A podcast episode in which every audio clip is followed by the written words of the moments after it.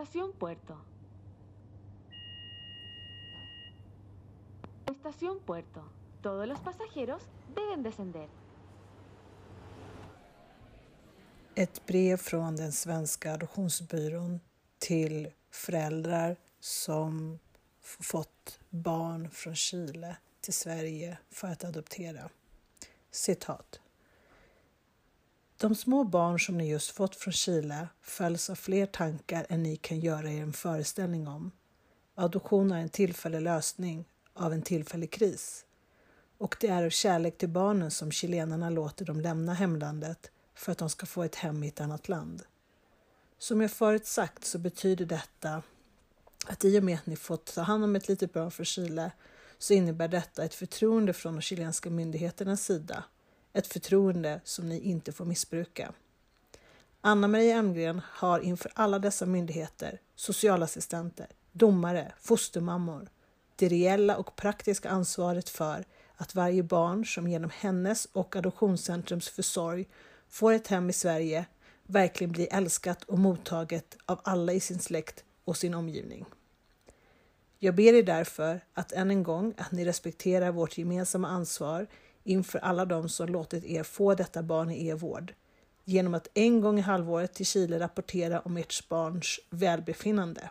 Rent praktiskt ska ni alltså vid första möjliga tillfälle direkt till mig på kansliet skicka bilder av ert barn med släkt och omgivning, med andra barn, med mor och farföräldrar eller andra släktingar. Sätt in bilderna i plastpärmar med barnets namn på varje bild. Post i Chile kommer tyvärr ofta bort, men jag ser härifrån till att bilderna kommer fram med någon som reser till landet. Skriv också direkt till Aya, men utan fotografier i breven, eller skicka också de breven till mig. Den andra rapporten skickar ni när ni haft ett barn i ungefär ett halvt år, på samma sätt. Jag kan nog inte nog understryka vikten av denna rapportskyldighet efterlevs. Varje utebliven rapport kan äventyra en kommande adoption av ett annat barn från Chile. Med många hälsningar.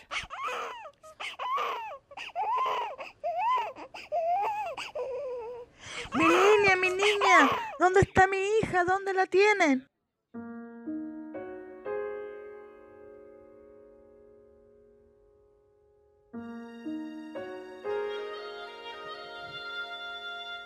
Adoptionspodden presenterar de stulna barnen. Vad hände egentligen under 70, 80 och 90-tal? Cirka 2200 barn från Chile adopterades i svensk tingsrätt och blev svenska medborgare och barn till svenska par. 2000 av dessa barn adopterades till Sverige via Adoptionscentrum. Av dessa 2000 barn undersöks cirka 700 stycken i chilensk domstol. Vad hände egentligen? Vem sitter på svaren? Kan alla adopterade chilenare få ett svar från Chile Adoptionscentrum? Finns det svar? Mångfalden bland adopterade är lika stor som i resten av samhället. Det finns chilenska adopterade i Sverige som har ett bra liv, aldrig sett sin adoption som ett problem, som aldrig kommer må dåligt av att ha blivit adopterade till Sverige. Den här dokumentären är inte till för att förta deras känsla och inställning till adoption.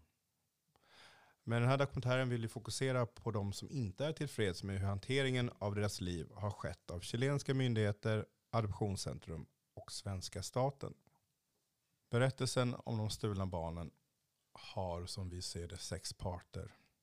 Chilenska myndigheter, Adoptionscentrum, svenska staten. Vi har den stulne slash adopterade. Har biologiska mamman och adoptivföräldrarna i Sverige. Vem bär skuld i allt detta? Enligt Adoptionscentrum ligger ansvaret på den biologiska mamman. Svenska staten inväntar utredningen i Chile. Adopterade biologiska mammor samt adoptivföräldrar i Sverige vill ha ett svar på vem som är ansvarig och hur detta kunde ske. Adopterade och biologiska mammor känner sig lurade på ett liv tillsammans. Adoptivföräldrar fick inte korrekt information och adopterade under falska omständigheter.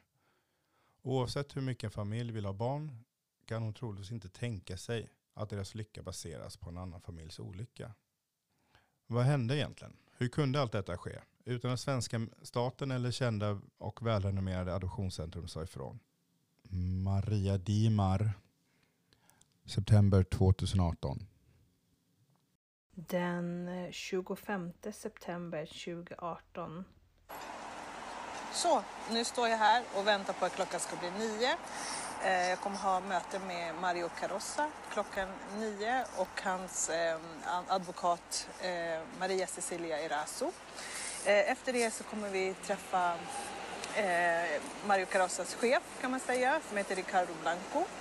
Och efter det så är det två, eh, två intervjuer inplanerade innan vi ska vara på Hijos y Siciliense deras radiosändning.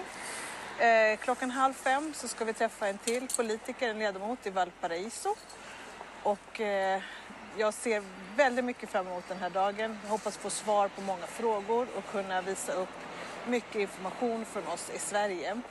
I- Igår hade jag jättebra möten med en advokatbyrå eh, som kan nu med en gång hjälpa oss adopterade som vet att adoptionen gått illegalt eller olagligt till. Så jag kommer förmedla den informationen under dagen. Eh, här borta så ska jag försöka visa var Eh, här bakom mig så har jag ex Congreso Nacional. Det är där vi träffade politiker igår. Maria Carossa jobbar där borta i hörnet kan man säga.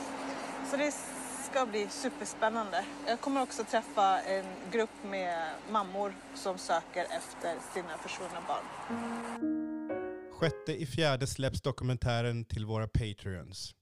Bli gärna en Patreon och stödja oss via patreon.com snedstreck adoptionspodden. Du får följa arbetet med dokumentären, hänga med oss bakom kulisserna och du får lyssna på den före alla andra. 8 april släpper vi dokumentären De stulna barnen fritt till allmänheten via Anchor och Spotify. Inom någon dag finns den tillgänglig på de flesta ställen där du lyssnar på dina podcast. Prenumerera på Adoptionspodden där du lyssnar på dina poddar för att vara säker på att du inte missar något avsnitt. Ha en underbar dag.